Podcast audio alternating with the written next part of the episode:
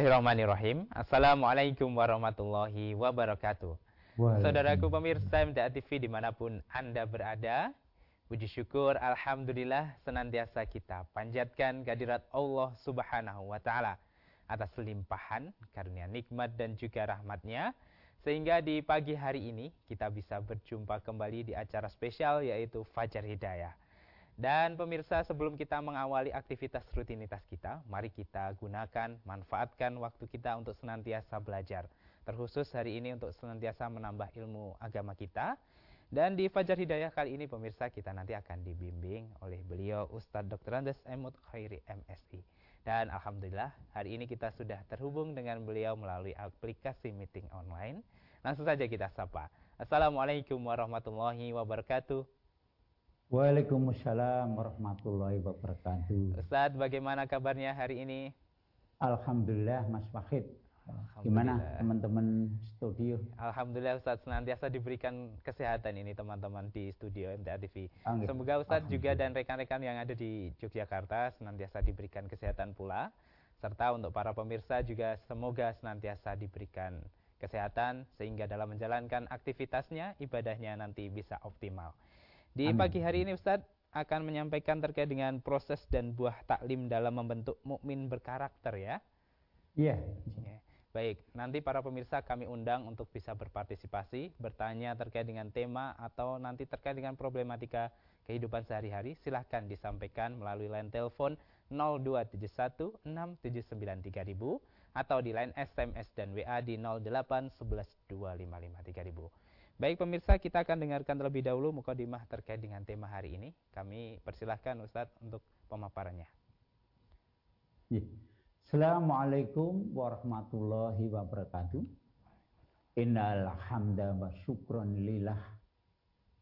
Rabbis rohli sotri wa yasirli amri wa hludata min lisani yaqluhu qoli amabat. Bapak Ibu dan saudara sekalian yang insya Allah dimuliakan Allah, pemirsa, pecinta ya, program Pacar Hidayah, yang insya Allah dimuliakan Allah. Alhamdulillah atas izin dan nikmat Allah di pagi yang cerah ini kita memperoleh suatu nikmat yang luar biasa besarnya yaitu nikmat kesempatan.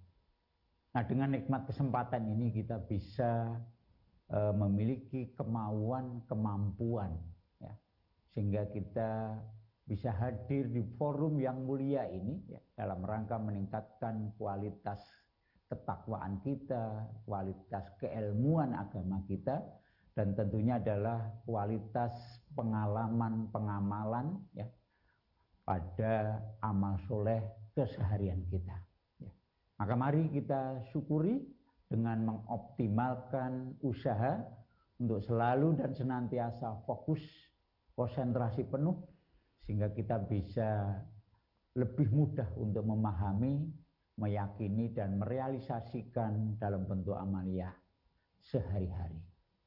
Bapak, Ibu, dan saudara sekalian yang insya Allah dimuliakan Allah, pada pagi yang berbahagia ini kita akan melanjutkan ya seri eh, muhasabah tahun baru. Ya. Lalu pada Sabtu kemarin kita membahas bagaimana kita meminit aktivitas keseharian kita secara global. Ya. Maka pada pagi hari ini kita akan fokuskan ya bagaimana kita bisa mengetahui sampai tahapan faham betul ya terhadap syariat Allah dan Rasul ya sehingga kita dalam merealisasikan dalam mengamalkan itu benar-benar sesuai yang diharapkan Allah dan Rasulnya dan ya syariat itu betul-betul bisa built in ya menyatu dalam diri kita dan membentuk kepribadian kita ya. maka pada pagi hari ini kita akan bahas bagaimana proses dan buah taklim. Ya. Bagaimana proses ketika kita melakukan taklim, kemudian bagaimana kita senantiasa menuju pada target taklim itu sehingga taklim kita nanti betul-betul berbuah. Ya. Bahasa Jawanya adalah bagaimana bahwa taklim itu bisa mentes dan netes. Betul-betul membentuk kepribadian seorang mukmin ya, yang benar maka yang dimaksud mukmin berkarakter di sini adalah mukmin yang betul-betul yang memiliki karakter mukmin secara benar yang sesuai dengan Quran dan Sunnah. Ya. Baik, mari kita coba bahas ini. Yang pertama, ya, Bapak Ibu dan sekalian, sebagaimana yang sering saya sampaikan di forum ini, ya, seorang mukmin dalam memanage setiap aktivitas kehidupannya ya senantiasa dikelola, diminit yang awalnya dengan berdasarkan ilmu ya ala ilmi. Apa yang senantiasa dilakukan dalam kegiatan atau aktivitas hidupnya ya senantiasa ala ilmi, berdasarkan ilmu.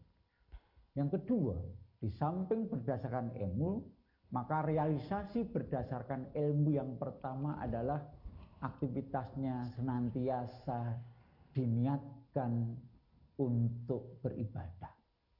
Ya. Niatnya betul-betul ikhlas, holison wabatuhiyalah. Hanya mengharap ridhonya Allah.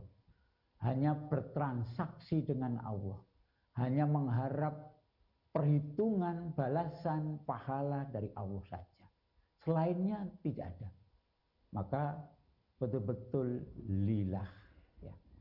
Yang berikutnya adalah bahwa aktivitas yang senantiasa berdasarkan ilmu itu yang diniatkan karena Allah nanti betul-betul dilakukan secara profesional.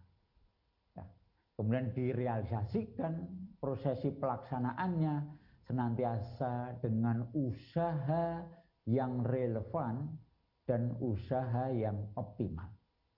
Baru setiap saat apa yang kita lakukan, kita lakukan evaluasi, kita lakukan controlling, ya, kita lakukan muhasabah. Sehingga apa yang kita lakukan nanti betul-betul terkontrol sesuai dengan Quran dan Sunnah atau sesuai dengan syariat yang benar. Baik, mari kita uh, bahas satu persatu sehingga kita lebih paham lagi ya. Sehingga apabila kita merealisasikan suatu syariat sesuai betul ya yang disyariatkan oleh Allah dan Rasulnya. Yang pertama adalah ala ilmin. Ya, ala ilmin. Ya. Bapak, Ibu dan saudara sekalian, ya, saya sampaikan di sini peran kontribusi ya dari ilmu itu. Ya. Bahwa antara nanti iman, ilmu dan amal senantiasa menjadi satu kesatuan yang terpadu. Yang satu mewajibkan yang lain atau ada hubungan antara satu dengan yang lain. Nah, salah satu makalah mengatakan la yuqbalul imanu bila amalin wala amalu bila ilmi. Ya, tidak akan diterima iman seseorang sehingga di, memproduk amal dan tidak dinilai sebagai amal soleh jika tidak didasari dengan ilmu.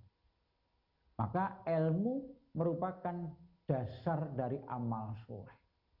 Ya, betul-betul merupakan dasar dari amal soleh. Ya. Maka dikatakan bahwa al ilmu imamun amal wal amalu tabi'uhu. Ya. Bahwa ilmu itu adalah pemimpinnya amal. Ya. Amal mengikuti dari ilmu. Artinya bahwa setiap amal soleh kita harus senantiasa didasari dengan ilmu yang benar. Sehingga ilmu merupakan syarat wajib ya terrealisasinya suatu amal. Ya. Sehingga nanti bahwa ilmu merupakan dasar. Ya. Dan ilmu yang harus kita ambil, kita pilih sebagai referensi amal kita adalah ilmu yang benar. Ya. Ilmu yang betul bersumber dari sumber yang benar, yaitu Quran Sunnah. Maka ya salah satu hadis mengatakan taroktu fikum amroini lantazilu ma masyaktum bihima kitaballahi wa nabi. Ya, insya Allah ya Bapak Ibu sekalian sudah sangat-sangat familiar dengan hadis ini. Ya. Rasul ngendika telah aku tinggalkan dua perkara. Ya. Dan sekali-kali kamu tidak akan tersesat selamanya. Selama berpegang teguh keduanya. Yaitu Al-Quran dan Al-Hadis. Ya. Maka Bapak Ibu dan sekalian. Untuk bisa merealisasikan amal soleh yang sesuai betul, maka kita harus paham terhadap syariat itu. Bagaimana kaifiat syariat itu harus betul-betul kita pahami. Sehingga ketika kita mengamalkan syariat itu betul-betul sesuai ya dengan apa yang dicontohkan, apa yang didawuhkan oleh Allah dan Rasulnya. Sehingga pengamalan suatu syariat sesuai betul.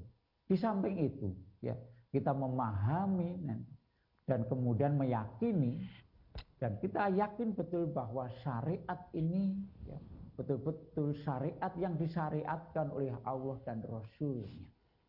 Ya. Dan apa yang disyariatkan oleh Allah dan Rasulnya pastilah benar. Wa war rasul sehingga muncul keyakinan yang kuat untuk merealisasikan. Sehingga dengan kefahaman dan keyakinan nanti akan memotivasi, akan memicu, akan memacu, akan memecut ya hati kita untuk memunculkan niat. Untuk memunculkan niat yang kuat disebut dengan azam.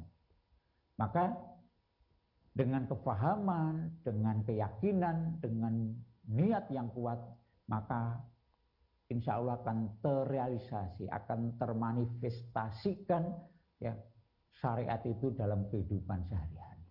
Ya. Maka oleh sebab itu ya mari kita perkuat betul ya bahwa ilmu itu ya betul-betul merupakan suatu yang wajib kita adakan. Wajib kita miliki ketika kita mau melakukan suatu amal soleh. Ayat yang sering kita baca surat ke-17 ayat 36 A'udzubillahi minasyaitonirrajim ya. Wala ta'fu ma laisa laka bihi ilm. Inna sam'a wal basara wal fuada kullu ulaika kana anhu mas'ul ya. Cara eh, pemahaman bahwa janganlah kamu melakukan suatu amalan ya sehingga kamu mengetahui ilmunya. Karena setiap penglihatan, setiap pendengaran, setiap apa yang kita pikirkan dalam hati, semuanya nanti akan dimintai pertanggungjawab. Nah, oleh sebab itu, mari betul-betul kita realisasikan. Ya, secara global ini saya percepat aja Bapak Ibu sekalian. Inilah unsur-unsur uh, yang harus ada pada diri kita. Ya, ketika kita uh, memperoleh petunjuk yaitu al-iman, maka harus kita persiapkan ilmu untuk kita bisa merealisasikan amal soleh. Nah, dari amal soleh ini kemudian kita bisa merealisasikan tujuan hidup kita ya dan target hidup kita yaitu sebagai hamba Allah yang tentunya paripurna ya. Karena kita bisa merealisasikan kewajiban tugas kita sebagai hamba Allah yang senantiasa mengabdi beribadah hanya pada Allah sehingga kita bisa sukses dunia dan akhirat. Secara global seperti itu. Nah untuk kita bisa memperoleh suatu ilmu ya yang sesuai betul, yang benar, maka butuh suatu proses dalam taklim kita. Ya. Kita butuh taklim dan tidak hanya sekedar taklim takliman, tetapi betul-betul taklim yang didasari dengan keilmuan, manajemen, strategi dan seterusnya, seterusnya sehingga betul-betul taklim itu bisa memproduk suatu kepahaman, keyakinan dan azam tadi untuk merealisasikan amal soleh ini. Nah, bagaimana proses yang betul? Proses ngaji yang betul. Ya. Ngaji salah satu media sarana untuk kita memperoleh suatu informasi. Ya. Maka informasi yang kita terima betul-betul kita dengarkan secara optimal. Ya. Ayat surat Al-A'raf ayat 204 di sana katakan wa idza al Qur'an fastami'u lahu wa ansitu. Ya.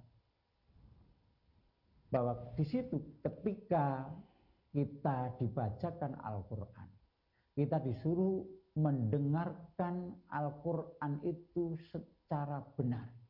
Ya. Mendengarkan, diam, memperhatikan, sehingga betul-betul eh, apa yang kita dengar itu bisa kita resapi, bisa kita pahamkan, dan kita bisa masukkan ke dalam hati. Ya, sehingga kita termasuk orang-orang yang memperoleh rahmat sampai pendengaran kita mengatakan sami'na. Ya, kami telah mendengar. Nah, sesuatu yang kita dengar belum tentu kita memahami. Maka apa yang kita dengar itu kemudian kita kirim ke otak kita, ya, melalui proses namanya tadabur, ya. Betul-betul memperhatikan dengan serius, betul-betul menganalisis ayatnya, maka dalam salah satu ayat dikatakan kita bun angzalnahu mubarakul liyadabbaru ayatihi waliyadzakkaru ulul albab. Surat Sot ayat 29 ya gitu. Nah, itulah proses tadabur. Apa yang kita dengar tadi kita analisis ayat demi ayat sehingga ya otak kita betul-betul bisa memahami ya sampai otak kita bisa atau mengatakan fahimna kami telah paham sesuatu yang kita pahami adalah sesuatu yang betul-betul sudah pada tahapan baik ya maka sampai wa mayuridillahu khairan yufaqihu tahapan memahami itu adalah suatu tahapan yang sudah tingkat tinggi ya pada pemahaman kita, pada proses pembelajaran kita. Ya. Maka salah satu tujuan atau dalam niat yang kita bacakan ketika kita ngaji, salah satunya adalah warzukni wahma. Ya Allah, berilah rezeki padaku dalam bentuk kefahaman. Tetapi sesuatu yang kita pahami belum tentu memproduk suatu amal.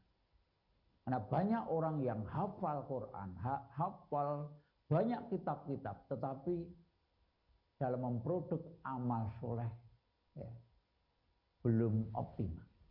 Maka apa yang kita pahami dalam otak kita, kita kirim ke hati melalui proses tafakur, ya, kita memikir-mikirkannya, ya, Kemudian melalui proses namanya ta'amul, kita coba meresapi apa yang kita pahami dalam otak kita itu dan betul-betul bisa kita masukkan dalam hati.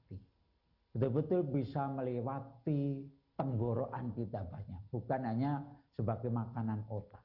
Melalui proses ta'amul ini, kemudian hati kita bisa membenarkan dan sampai akhirnya hati kita mengatakan sodak kami telah membenarkan nah apabila hati membenarkan dan hati sebagai pemimpinnya organ tubuh kita. Hati sebagai manajernya organ tubuh kita. Maka hati akan memerintahkan ke seluruh organ tubuh kita. Ya, ikmalu lihada syariah. Ya, kerjakan. Apa yang disyariatkan oleh Allah dan Rasulnya itu kerjakan. Maka semua organ tubuh idealnya akan taat. Dan akan mengatakan atau nah kami telah siap untuk taat. Maka inilah proses Bapak Ibu sekalian, mulai dari sami'na, fahimna, sodakna, sampai pada atokna. Yang kemudian disingkat dalam surat An-Nur ayat 51, sami'na wa atokna. Kami mendengar dan kami siap untuk merealisasikan. Inilah proses yang harus kita realisasikan dalam taklim Bapak Ibu sekalian sehingga setiap apa yang kita pelajari senantiasa akan memproduk kesiapan hati untuk merealisasikan dalam bentuk amalia sehari-hari. Dan itu dijelaskan oleh Allah dalam surat uh, apa istilahnya Azumar surat kedua uh, 39 ayat 18 alladzina yastami'una al-qawla fayattabi'una ahsana. Ya. Yaitu orang-orang yang mendengarkan suatu informasi. Ya, mendengarkan suatu informasi kemudian ya dia memilah memilih dan yang bisa direalisasikan kemudian direalisasikan dalam bentuk amalia sehari-hari. Sehingga setiap tambah ilmu, maka kemudian tambah amal, tambah pahala, dan pahala itu kemudian dijaga sehingga betul-betul nanti tambah investasi tabungan di akhirat. Bapak Ibu dan sekalian, itulah proses yang harus kita realisasikan ya. Sehingga ketika kita eh, taklim, maka kita nanti akan senantiasa betul-betul menjaga adab-adab taklim itu. Mulai dari ikhlas, mujahadah nanti, ya. Kemudian kesinambungan dan seterusnya. Dan akhirnya kita berusaha untuk merealisasikan suatu prinsip al ilmu amaliyatin wal amalu ilmiah. Bahwa setiap ilmu yang kita miliki harus senantiasa memproduk amal dan setiap amal yang kita lakukan harus senantiasa berdasarkan ilmu. Itulah dari ya, manajemen unsur taklim yang pertama yaitu ala ilmi. Kemudian yang kedua Bapak dan sekalian ya, kita butuh suatu unsur yang merupakan realisasi salah satu ilmu kita yaitu berniat ikhlas. Bagaimana kita meminit niat ya. Niat yang senantiasa harus kita perbarui setiap saat, harus senantiasa kita perbaiki setiap saat, harus senantiasa kita luruskan sampai tahapan ikhlas. di dunia tahsinun niat, tahnifun niat sampai pada tahlisun niat. Bahwa niat harus senantiasa kita pasang pada ya niat kita yaitu ikhlas lillah. Hanya mengharapkan ridhonya Allah. Hanya bertransaksi kepada Allah. Sehingga dalam merealisasikan, dalam meminit niat, kita harus senantiasa kita lihat tujuannya bahwa niat betul-betul merupakan ya, arah dari amal soleh kita. Dalam salah satu ayat yang sering kita baca, Al-An'am 162, kita diperintahkan oleh Allah, Qul inna solati wa nusuki wa mahyaya wa mamati lillahi rabbil alamin. Katakanlah hai Muhammad kepada umatmu bahwa sesungguhnya sholatku, ya, ibadah nusukku, ya, hidupku dan matiku, ya, semuanya diniatkan untuk Allah Rabb semesta alam. Hanya setiap aktivitas yang kita nanti lakukan dalam kehidupan kita yang sudah kemarin kita bahas ya pada hari Sabtu yang lalu kita bahas bahwa setiap aktivitas hidup kita baik itu ibadah madah maupun ibadah ghairu madah kita niatkan sebagai ibadah kita kepada Allah. Sehingga tujuan ini harus senantiasa kita ingat. Yang kedua, bahwa dengan kita meniatkan ikhlas karena Allah, bahwa kita nanti akan muncul ya suatu kefahaman, suatu keyakinan bahwa apa yang kita lakukan betul-betul dikontrol oleh Allah. Ya, sehingga Allah betul-betul hadir pada hati kita. Allah dekat, Allah mengontrol, Allah membersamai kita. Sehingga ketika kita melakukan suatu aktivitas ibadah, kita akan serius. Kita akan selalu termotivasi. Ya. Kemudian ketika kita berhadapan dengan suatu dosa, maka kita akan menghindari karena kita bersama Allah. Ya. Maka salah satu fadilah. Niat yang ikhlas kita merasa dibersamai Allah kita merasa dipirsani Allah sehingga sekecil apa pun kita melakukan suatu amal soleh di mana pun kita berada senantiasa Allah bersamai kita. Allah melihat kita. Allah akan menilai kita.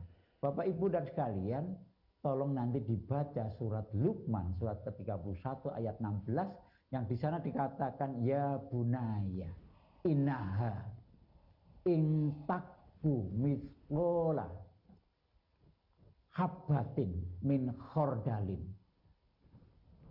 fattakum fi sohrotin au fi samawati au fil ad yati bihawdah innallaha latifun khabir Apabila seseorang melakukan suatu amal sekecil apa pun, ya, maka ya meskipun amal itu berada di bawah batu, di kegelapan malam, di langit dan di bumi, ya tidak Allah. Pasti amal itu sampai pada Allah. Ya, karena Allah lebih lembut daripada eh, apa yang ada di dunia. Bapak Ibu sekalian, ya maka akan muncul nanti rasa optimisme dalam beramal sehingga senantiasa amal sekecil apa pun di mana pun berada meskipun dalam gua ya yang di situ tidak ada lubang tidak ada pintu Rasul menjamin la kharaja amaluhu kainan makan maka akan keluar amal itu sesuai dengan yang diamalkan dalam gua itu. Artinya apa Allah akan melihat suatu amal sekecil apa pun di mana pun berada secara benar ya secara optimal ya secara menyeluruh sehingga Allah akan memberi balasan yang lebih baik. Itulah makna dari ikhlas. Kemudian setelah itu harus profesional ya proses pelaksanaannya ya mulai dari manajemennya dari ilmunya dari kesungguhannya mujadahnya dari kesinambungannya istiqomahnya, dari disiplinnya, dari tertibnya sampai pada optimizing atau pemaksimalan untuk merealisasikan amal soleh ini.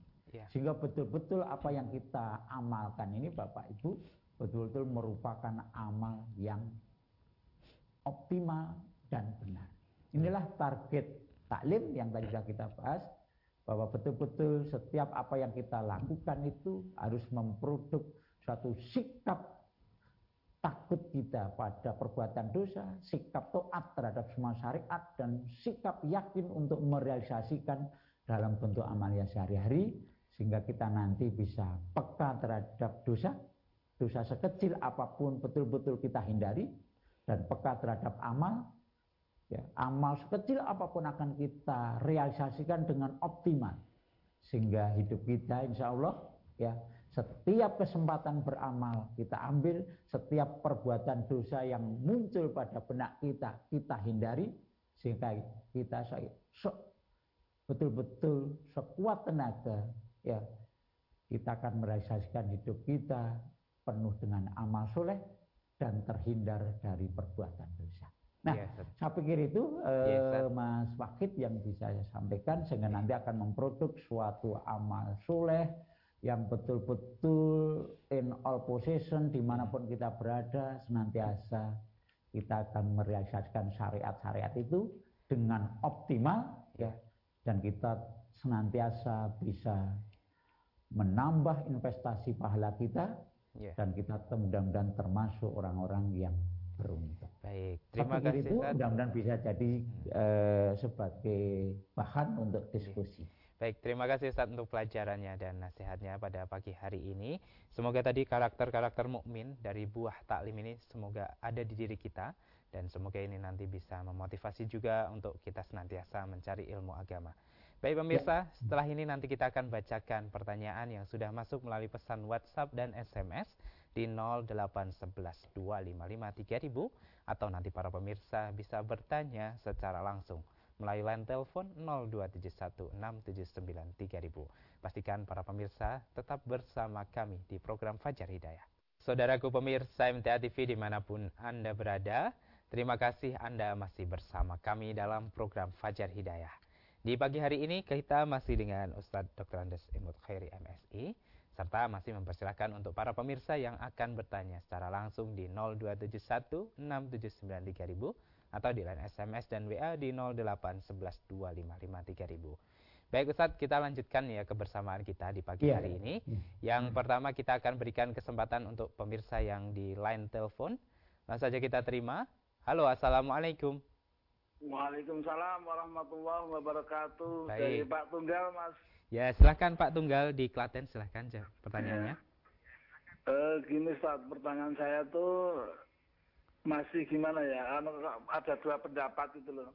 Yang mantap yang mana? Itu kan sejak dekatnya hamba itu doa pas sujud itu Ustaz ya. Katanya ada yang uh, harus bahasa Arab gitu. Uh, padahal Rasulullah udah bersabda kalau sedekat-dekatnya hamba itu doanya tuh di pas sujud itu. Yeah. Yang kita ikuti yang mana ya Ustaz ya? Uh, aku supaya tidak biar mantap gitu. Makasih. Assalamualaikum. Yeah. Waalaikumsalam warahmatullahi wabarakatuh. Pertanyaannya bagaimana Ustaz uh, terkait dengan doa di sujud apakah harus menggunakan bahasa Arab atau yang sebagaimana bagaimana Ustaz? Mohon dijelaskan. Iya. Jadi Bapak Tunggal ya mudah-mudahan dalam keadaan sehat walafiat ya. Dan terima kasih atas pertanyaannya. Jadi eh, salah satu hadis eh, Rasulullah dawuh pada kita atau menginformasikan pada kita bahwa akrobu yakunul abdu mirrabi ya, bahwa sajidun fa'aksiru doa ya jadi sedekat-dekat hamba kepada Robnya adalah ya ketika dia bersujud atau pada posisi sujud maka perbanyaklah doa. Ya, maka dari hadis ini kita ya diberitahu bahwa eh, sedekat-dekat hamba itu ketika sujud ya dan kita diperintahkan untuk memperbanyak doa. Nah, doa itu adalah suatu permohonan dari seseorang ya kepada Allah. Maka karena ini permohonan maka yang berdoa betul-betul memahami apa yang didoakan. Yang kedua, hatinya hadir, tidak boleh hatinya kosong. Jadi faham apa yang didoakan dan hatinya hadir. Maka doa yang seperti inilah ya doa yang makbul nanti ya jadi doa yang dipahami, doa yang hatinya hadir dan yakin bahwa Allah akan mengabulkannya.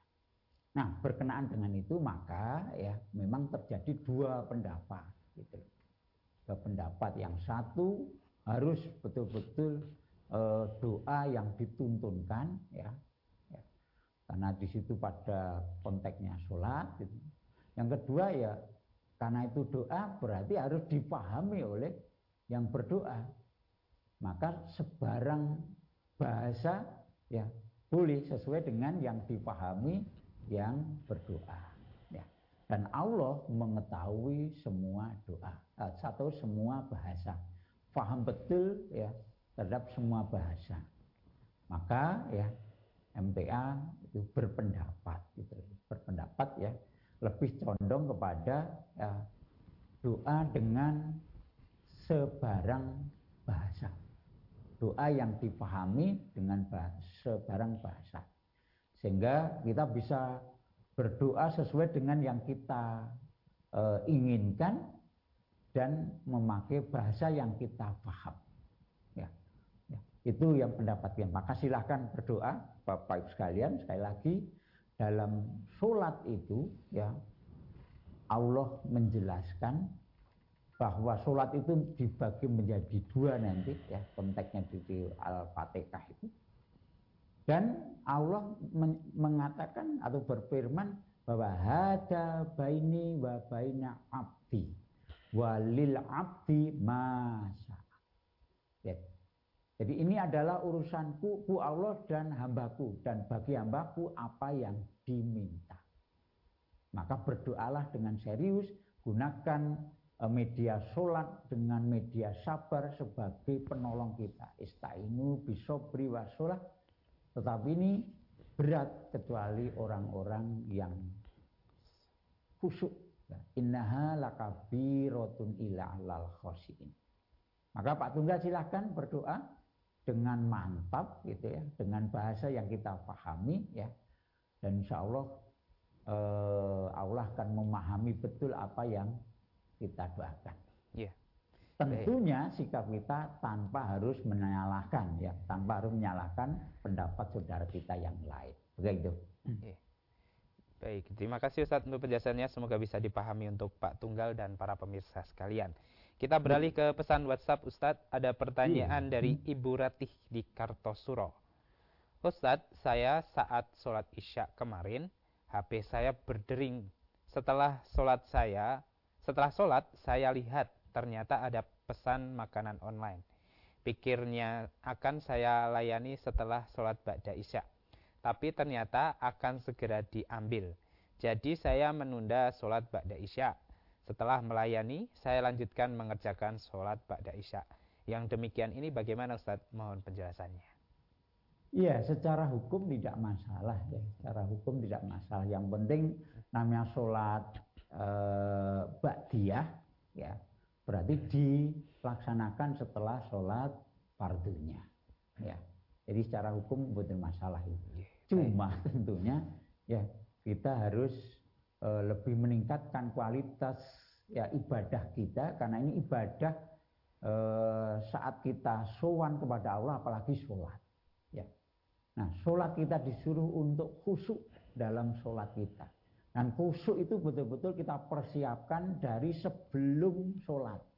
Ya, wudhunya betul-betul tertib sampai betul-betul sesuai dengan yang dicontohkan e, Rasulnya. Ya, kemudian setelah itu ketika kita e, mempersiapkan untuk sholat, betul-betul sholat itu kita persiapkan mulai dari waktunya, pakaiannya, kemudian e, termasuk kesiapan kita untuk meluangkan waktu bahwa pada saat itu ya, kita betul-betul bermunajat kepada Allah. Kita betul-betul uh, curhat kepada Allah. Maka ya kita fokus gitu. Ya. Dan usahakan bahwa ini adalah untuk menghadap Allah. Jangan terganggu dengan yang lain. Kalau terkait dengan urusan-urusan dunia, mestinya kita tunda nanti setelah kita sholat selesai. Ya, insya Allah kalau itu terkait dengan orderan, mohon maaf, orderan-orderan, kita yakin bahwa Allah itu adalah ar-rozak. Allah adalah pemberi rezeki. Tidak hanya sekedar ar-rozak, tapi wallahu khairur rozikin. Allah adalah pemberi rezeki yang terbaik sangat mudah bagi Allah untuk bayar min khaisu layak tasib. Kalau itu orderan ya rizki ya bagi Allah sangat mudah untuk mengganti orderan itu dan mengganti yang lebih baik, lebih banyak. Maka mari betul-betul kita persiapkan, mari betul-betul kita yakini ini sehingga nanti sholat itu betul-betul suatu waktu ya kesempatan untuk kita bisa bermunajat pada Allah dan tidak terganggu oleh yang lain. Ya, mohon maaf termasuk terganggu oleh urusan-urusan bisnis seperti ini. Nah, nah oleh sebab itu, mari Bapak Ibu sekalian, ya ketika kita mau sholat kita khusyuk betul, kita persiapkan betul, ya segala sesuatunya sehingga ketika kita sholat itu betul-betul hadir hati kita ya bacaannya kita pahami tertib ya, sampai bacaannya tartil tumak nina sehingga kita memanfaatkan forum untuk bermunajat pada Allah itu betul-betul bisa optimal. Dan insya Allah ya Allah akan mengganti ya, apa-apa yang Eh, terjadi pada sholat itu kalau terkait dengan rezeki Allah akan ganti insya Allah bagi Allah sangat mudah ya untuk mengganti memberikan jalan untuk hadirnya rezeki dan tentu rezeki yang kita peroleh kalau kita betul-betul mendahulukan Allah rezeki yang baik dan berkah.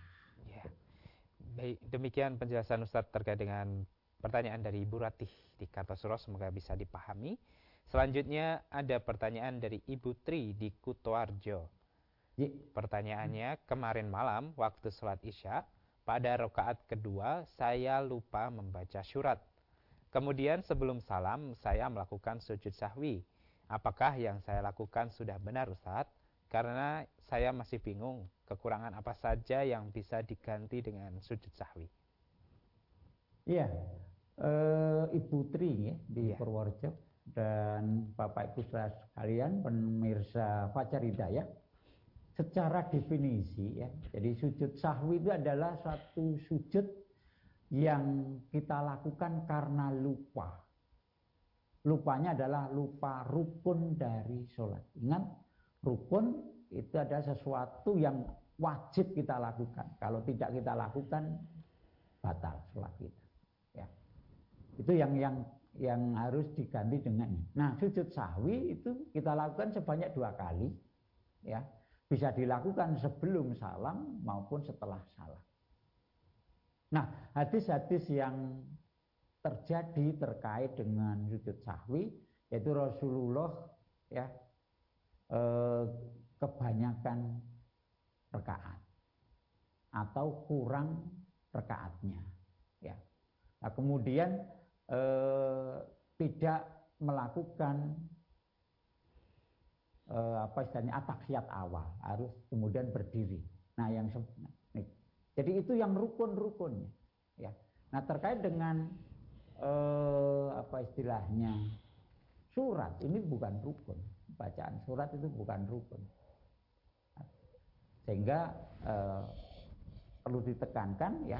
Misalkan seseorang kebanyakan rekaat ya.